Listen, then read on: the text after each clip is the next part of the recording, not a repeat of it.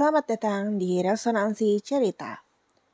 Persahabatan antar pria dan wanita yang terjalin cukup lama terkadang akan menimbulkan rasa di antara keduanya.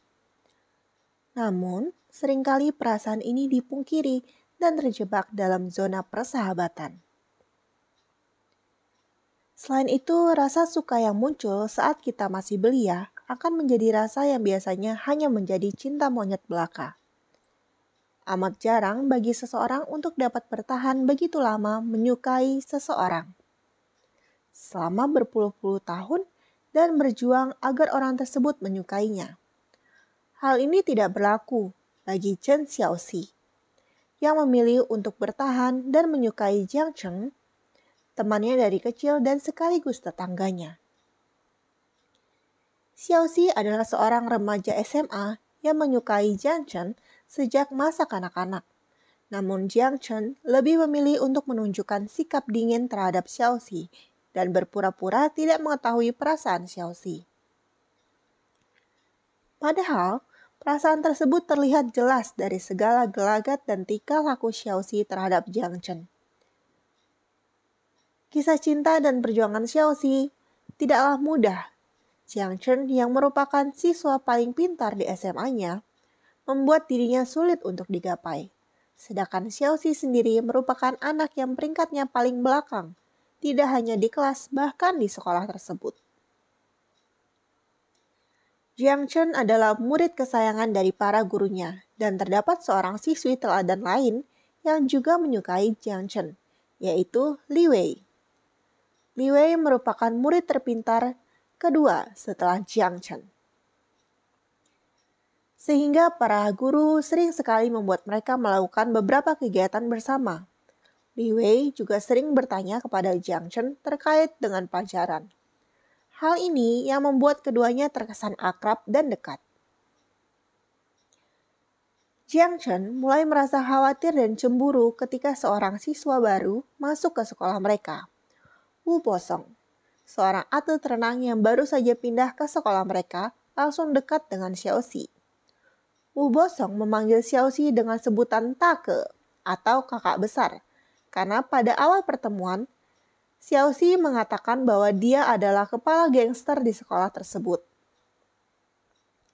Ternyata, Wu Bosong memiliki perasaan suka terhadap Xiaoxi dan tidak segan-segan untuk menunjukkan perhatiannya kepada Xiaoxi.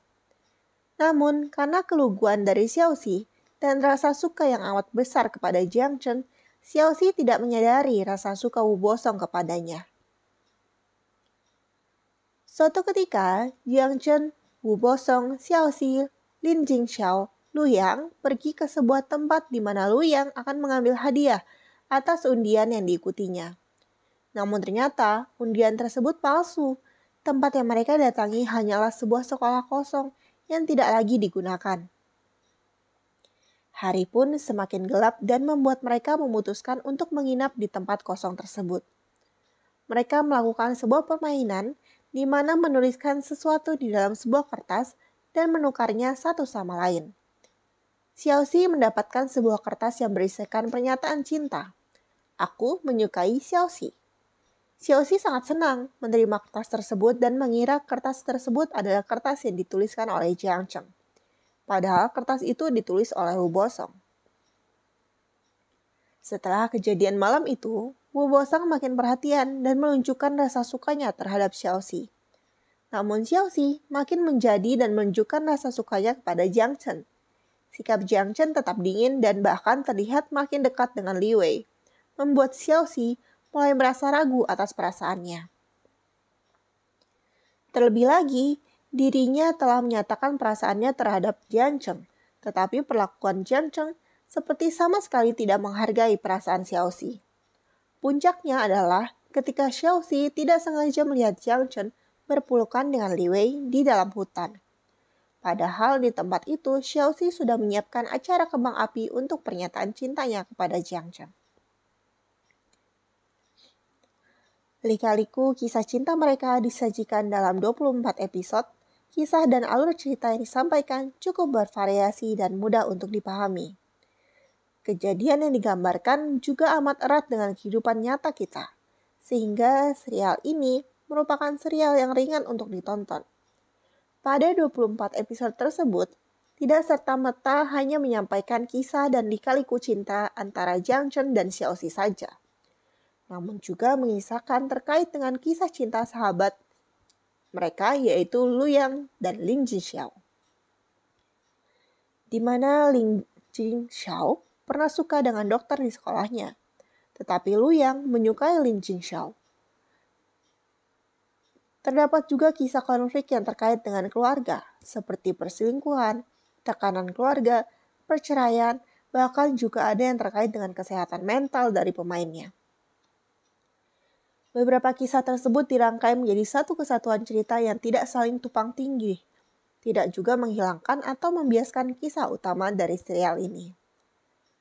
Akting para pemainnya juga patut diacungi jempol. Pemilihan pemeran yang menurut saya amat sesuai dengan gambaran peran yang digambarkan terutama Jiang Cheng yang digambarkan sebagai seorang yang cool, tetapi tetap terlihat natural.